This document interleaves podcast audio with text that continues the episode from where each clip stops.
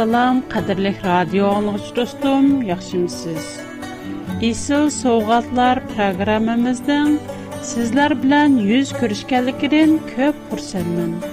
Mən Hürriyet.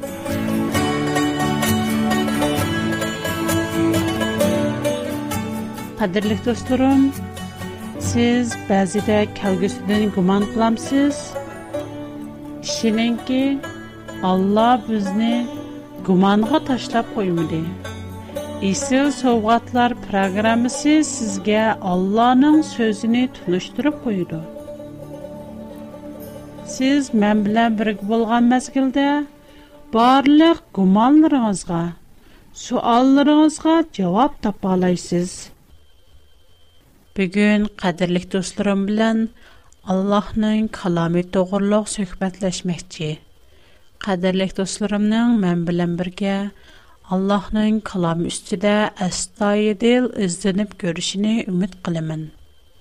Quran-Kərim, Təvrat və İncil haqqında zadi nimə deyidu? Quran-Kərimni varaqlab gördüğüm olsaq, birinci nöqtə Quran-Kərim Təvrat və İncilə işinin onunqa əgişin o həqiqət deyidu. Bunu 2-ci surə Bəqər 4-cü, 5-ci ayətdən kirib alalaymiz. Bu ayətlərdə mundaq deyilgan: Ular sənə nazil qılınğan kitabqa, səndən ilgirki peyğəmbərlərə nazil qılınğan kitablara işindu və axirətə şəksiz işindu. Әні шулар пәрвердігарның тоғра юлыда болғычылардыр. Әні шулар baxtga erishkichilardir. Demak, Qur'on-Karimning dastlabidala Tavrot va Injilga ishonguchilar, to'g'ri yo'ldagilar, baxtga erishkichilar deydi.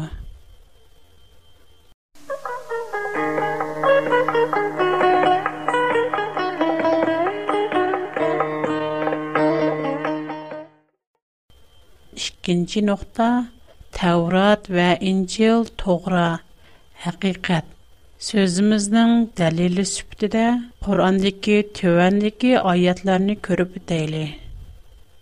3-cü surə Al-İmran 3-cü ayət.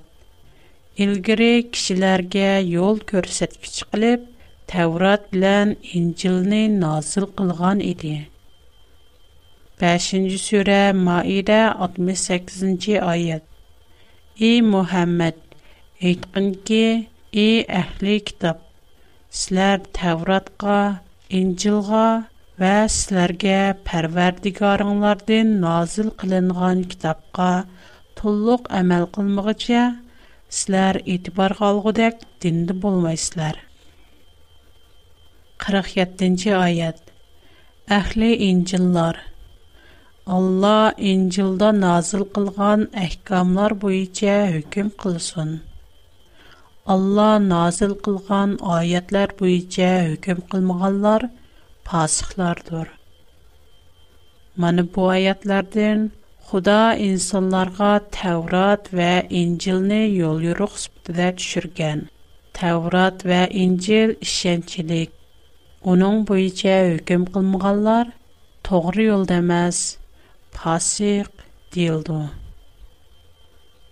Yana Muhammad mu Таврот ва Инҗилне хукуклык уларга агышыш керек, әмәл кылыш керек дейди. Яна 4-нче сүре Ниса 136-нче аяттан без төвәндикләрне күрәбез.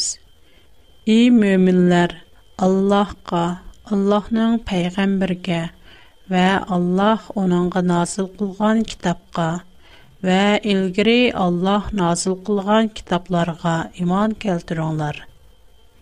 Kimki Allahni, Allahның peyğəmbərni, kitablarını, peyğəmbərlərini və axirət gününü inkar qıldı ikən, o qattiq ozğan buldu.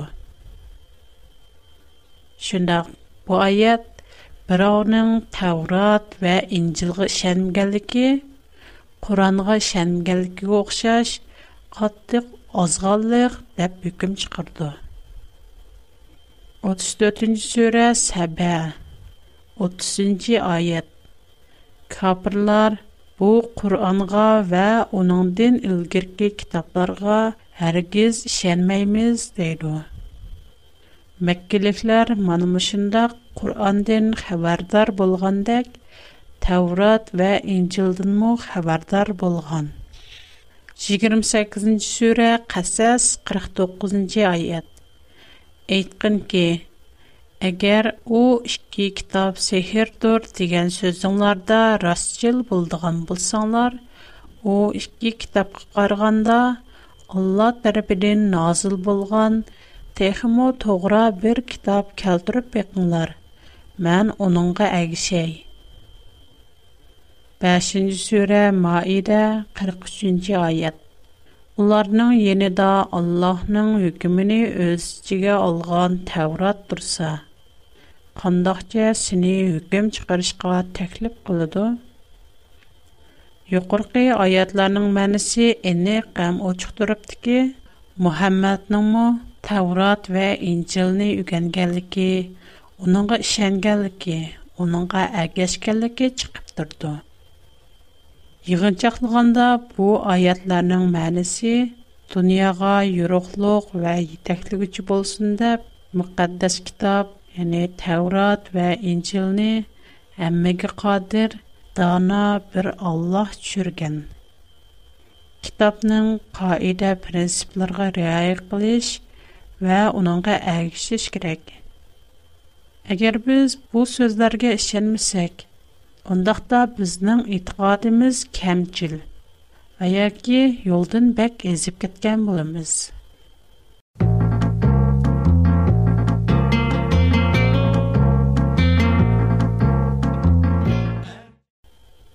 Hamda bizning Tavrat bilan Injil o'zgartilgan, burumlangan degan so'zimizga kelsak, Qur'on bu haqda noiti jonliq найти күчлек радиаларны бирде. Алды белән Мәдинәдә язылган сүрләр, яни аталмыш аятларның бузылышы тугрысында токтылып үтәле. Бу аятлар фақат бәзи бер яһудларга картылган. Түәне без 3-нче сүрә Ал Имран 78-нче аятны күрп баксак, бір түркімі кітапты болмаған нәрселеріне, сілерінің кітапты бар екен деп ойлышыңлар үшін тілеріні әгірі бүгірі қылып оқиды. Вә оны Алла тәріпіден назыл болған дейді. Улар біліп тұрып Алла намеден ялған оқиды. Бұ аят Тәуратның өзгәртілгелікін емес, бәлкі Тәуратның найты тоғырлықыны іспатлайды. Чөнки бу yerdə tilgə ilinğini kitabның özgərtilgənliyi emas, bəlkə bir türküm adamlarның oxuğan vaxtında xata tələffüz qılıb мәнісіне өз məqsədi üçün burmalığanlığını göstərir. Demək, onların qoldakı kitab dəl əslidəki Tevrat. 4-cü surə Nisa 46-cı ayət. Yahudilərinin içində kitabның sözlərini özgərt vədədil qallar бар? bar? Onlar sözünü anladıq, boysunmadıq. Biz ki qulaq sal, biz sana qulaq salmaymız, deydu. Dinğa tənə qılış yüzüsüdən, raina digən sözünü tillərini əgri qılıp etdudu. Əgər onlar anladıq və boysunduq, qulaq Исә олар өчен техомы яхшы, техомы тугыра булады. Бу юқоркы мисалга охиш, бер төркем адамларның телләренә әгърип бура кылып, хата таләп үз белән тәвратны укытканлыгын күрсәтәләр. 47-нче аят мәсбут. И китап бирелгәнләр Özüňlärdäki kitabny täsdiq qıldygan, bizgä nazil qılgan kitabny iman keltiriňler. Demek ularning özüdäki kitab däl əsli özgertilmegen äynan Tevrat. 5-nji sura Maide 13-nji ayatnyň mu yuqorqy 2 ayatga oxşaş mänisi bar. Yəni, şu sürədəki 46-47-ci ayətlər. 13-cü sürə Yunus 94-cü ayətlərmə şunu ispatlayır. Onlarının, yəni Bəni İsrail pəyğəmbərlərinin ırqısının özünün ilgiri nazil qılınğan təvratını, yəni onun Allah tərbinin nazil qılınğalıqını itirab qılğıcı Айса ибни Məryəmini əvəddüq. Onunğa hidayət bilən nurni öz içinə alğan İncilni ata qıldıq. İncil özüdən ilgiri nazil qılınğan Tevratni itiraf qılğıçıdır. Yəni onunğa muvafiqdir. Təqvadarlarga hidayət və pəndi nəsihətdir. Əhli İncillər Allah İncilda nazil qılğan əhkamlar boyunca hökm qılsın. Allah nazil qılğan ayətlər boyunca hökm qılmağanlar fasıqlardır. Mübadə sən sana biz nazil qılğan kitabdan şəkləndiğan, şöhbüləndiğan, güman qıldığan bolsan, səndən ilgiri kitab oxuğanlar, yəni Təvrat bilən İncil nazil qılınğan Yahudilar və Nasaralardan sorab baxın. Yuqorqi ayatlardan shu xulosani chiqarish bo'ldiki, yahudlarning qo'lidagi Tavrat haqiqiy Tavratdir. U hech qachon o'zgarmagan. Agar undoq bo'lmaganda Qur'onning Madinadagi suralari Makkadagi suralariga zid kelib qolgan bo'ladi. Qur'on o'z so'ziga o'zi qarshi turgan bo'ladi. Kepimizga qaytib kelsak, yuqorida biz Qurandaki bazı ayetlerden Tevratının, İncilinin doğruluğu özgermegenlikini görüp öttük. Əməliyyatda Quranda bunun oxşar sözlər nəyiti köp.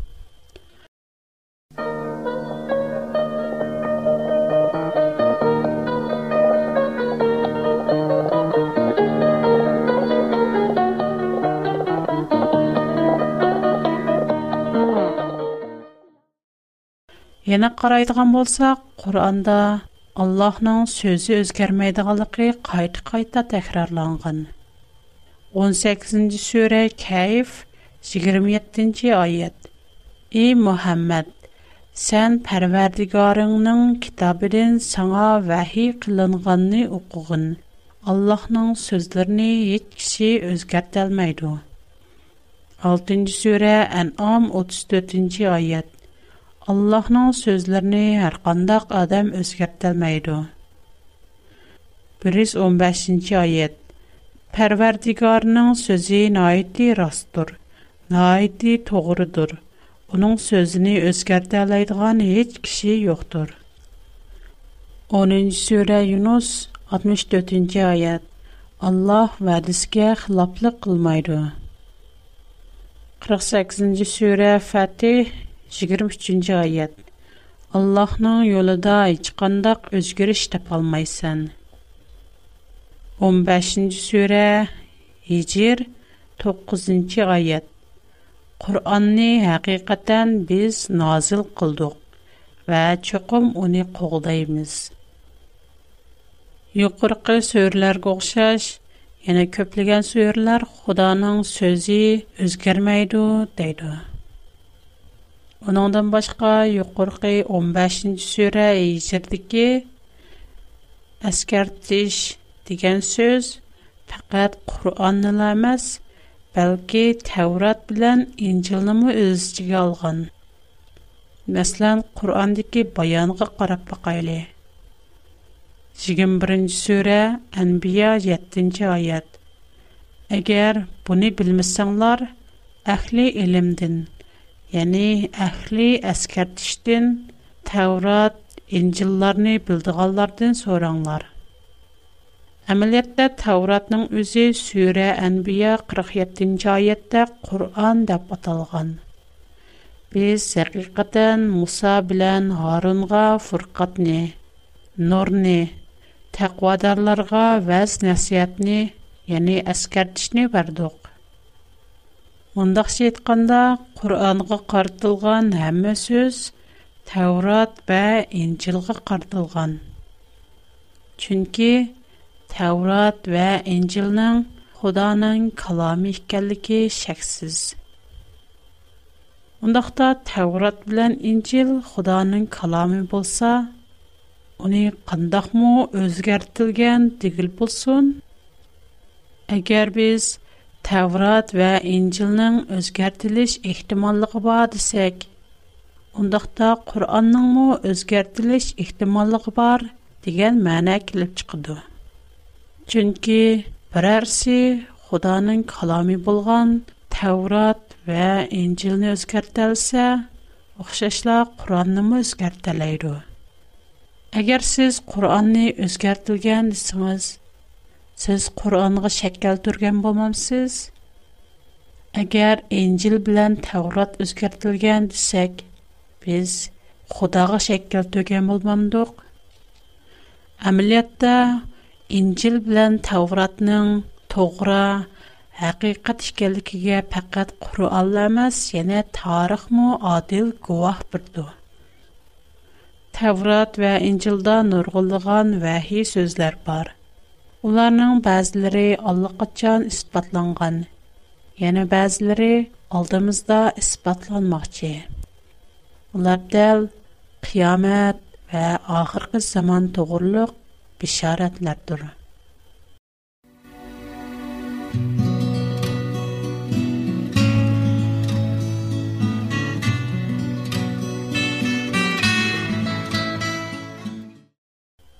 Biz азыр muşu bişaratlarının ispatlanışını kütüb durmaqdımız. 1948-ci ili Таамира қабілісінің болған Мухаммад Ал Дип Бадави үлік деңіз бойда қойбек қатқанда бір өңкірні байқыған. Әм у өңкірден бір үріш Таурат Зәбірнің өгіме кітапларыны тепіп чыққан. Уларның арасында Яшая пайгамбарның бер бүтән китабы булып, бу китап әслидә Айса мәсхихнең тугылышыдан 700 ел үткәре язылган. Бу китапларның һәммәсе мөкъәддәс китапның тугыра икәнлеге ва үзгәрмәгәнлеге тагъдәк гувах булып турды. Чөнки оның мазмуны хәзерге ишләтә толып яткан көчүрилмә нусхиларга охшаш. Хәзерге көп нусхларның базләре ислам динен игриез булган. Базләре оның белән замандаш булган. Християн və яһудлар ишләтә торган 2000 ден артык телгә тәрҗемә кылынган хәзерге нусхиларны бу қареметке нусхлар белән салыштырсак Уларды көксәшлек кишини хайран калдырды. Демәк, Куръан ва тарих аркылы Инҗил ва Тавратның тугры икәнлекне исбатлап чыктык.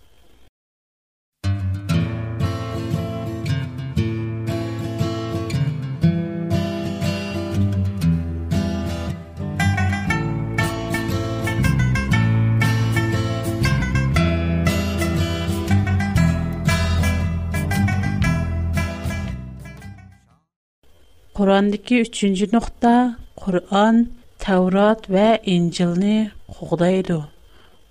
Oningga quloq berdi.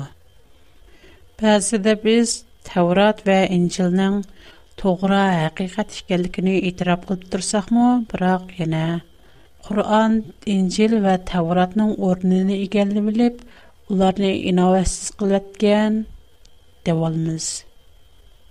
Құрақ бүнен вичканнақ асаси йоқ. Джунки, Құраан азалден бұндах демиген. Аксича, Құраанда, Құраанның үзі инжел білян тавратни тастықлоу чи, Қолдоу чи, Қуахчи субтеда джүшірілгэлді ки, инэх язылған. Ишкенжі сүрэ 41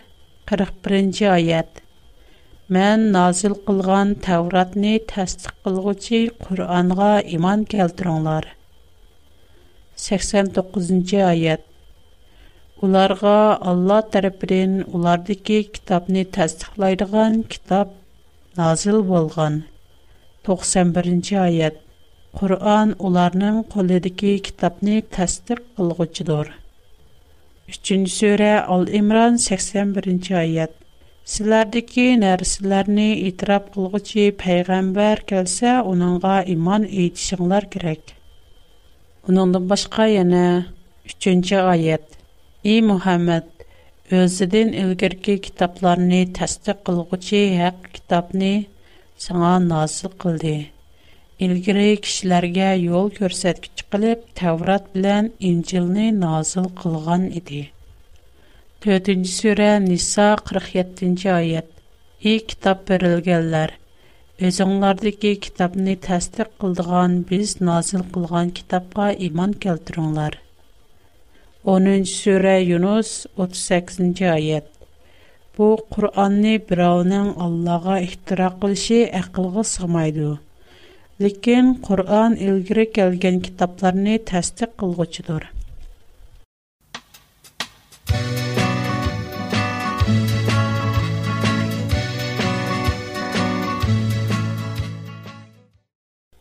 оннандан башка без юқорда оқібөткән 5-нче сүре 46-47-нче аятлар. 48-нче аят. Эй Мухаммад, без саңа үзедин өлгерки самавий китапларны итрап кылгыч, ва Аллаһка шаһид булгыч, яки кылгыч һәр китапны назил кылдык 68-нче аят. Эй Мухаммад, әйтмин ки, эй әхли китап, сизләр Тавратка, Инҗилга ва сизләргә Парвардигарыңнардан назил кылынган китапка тулык әмәл кылмыгыча сизләр итибарга алгыдек динди булмыйсызлар. Бу аятлар ва шундай көплеген аятлар Куранның Таврат ва Инҗилга шаһит булгычы қоғдығычы, оны тәстіқлығычы, тәкілігічі сүптеді шүрілгәлігіні өчік әйтеді.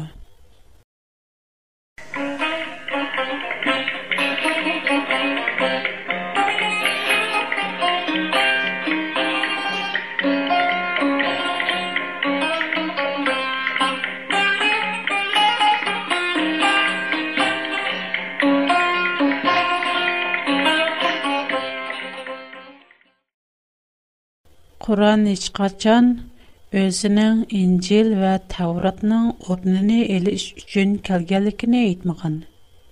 Оның айксича, өзінің инжил білян тавратни тастықлаш үчін гувалық бір үш үчін келгелікіні айтмаған.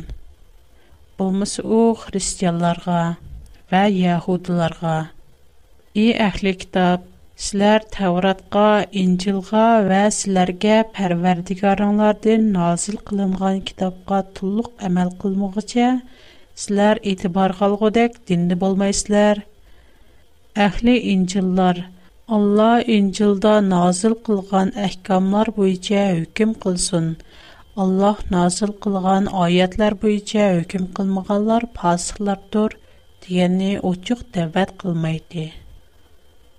Яһудлар ва христианларга Таврот ва Инҗилнең әмер фәрманларыга әмәл кылышка тәсият кылмайды. Һәм мусламаннардан Инҗил белән Тавротка иман келтереп, уныңга ишенишне мо талап кылмайды. Шуныңдәк Мөхәммәднең үзе мо Инҗил ва Тавротны үгенеп, уныңга әкешмәйди. Программа ахырда достумга адресимni deb bermoqchiman. Agar men bilan aloqalashishni xohlasangiz, qalam va qog'oz tayyorlab qo'ysangiz, programma oxirida adresimni xotirlab olasiz. Qur'on Tavrat bilan Injilni o'z ichiga olganligini hech qachon bayon qilmagan. Amaliyotda 26-sura Shuara 192-ci ayətdən 196-ci ayət kəcə Qur'an bunun əksini bayan qılğın. Həqiqətən Qur'an ilgirki kitabları da tılğı ilinğın. Bu yərdə tılğı ilinğın digən sözünü sözmü söz tərcüm qılsaq, düşənsək, onun mənisi işçidə var digərlik buldu. Şubu içi İncil və Təvrat Qur'anni öz içigə oldu degan məna çıxdı. Demək, Qur'an İncil bilan Təvratni qoğdaydı, onunğa guvalıq burdu. U yana Təvrat bilan İncilni öz sözünün asası qilishqa intilgan. Həm özünü Təvrat və İncil bilan tən urunğa qoyğan. 28-ci surə Qasas 49-cu ayətə qayıt qarab baxaylı. Әгәр у 2 китап сехердөр дигән сүзләрдә рас җил булдыган булсаңнар, ул 2 китап карыйганда Аллаһ тәрпидән назл булган техимо тугра бер китап калтырып бекнләр. Мен уныңга әгәшәй. 46нче сүре әхкаф 12нче аят. Кур'анның илгәре Мусаның китабе әһли җанга пешива ва рәхмәт диде. Бу араб телле ди tasdiq qilguchidir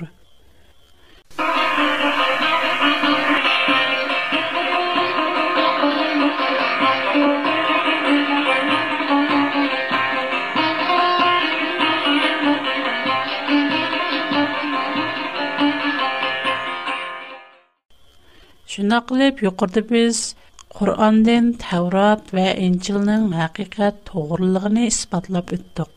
Ham Құранның әр бір мөмін кішіден тәурат вә инжілні үгінішіні тәләп қылғалықыны. Оны білішінің зөрірлікіні қайт-қайта тәкітілгелігін көріп өттіқ. Ондақта қадірлік достым, сізден сорап бақсам, сіз азыр инжіл, тәурат, зәбұрға қында қарайсыз. Үны білішіні қалымсыз – О худаның мөхәссә сүзләмәсме? Әгәр сез үзеңне битллай Аллаһка тапшырдым дип ойлыссыңгыз һәм шундый кылmaqчы булсаңгыз, онда тап бу сүзләреңне әмели тәңдә күрсәтәң. Сүзләреңне әмелиятдә исбатлашның бердән бер усулы худаның сүзләрен үгенеш һәм аның Шуңа қадірлік достым, кейін кіпәдім, біз Таврат, Инжел, Заборлардың Худаның ирадысыны көріп бақсақ қандақ. Бүгінгі программымыз мүшерді аяқлашды. Менің тұр адырсым үриет әт бигфуд.com Менің қат awrp.com O Pax 310 Hong Kong Менің хәзірше хатадырсым Шанган Юджин Сунчуе Шешан 310 номер. Хош, худага манат, Хушвақ болыңлар.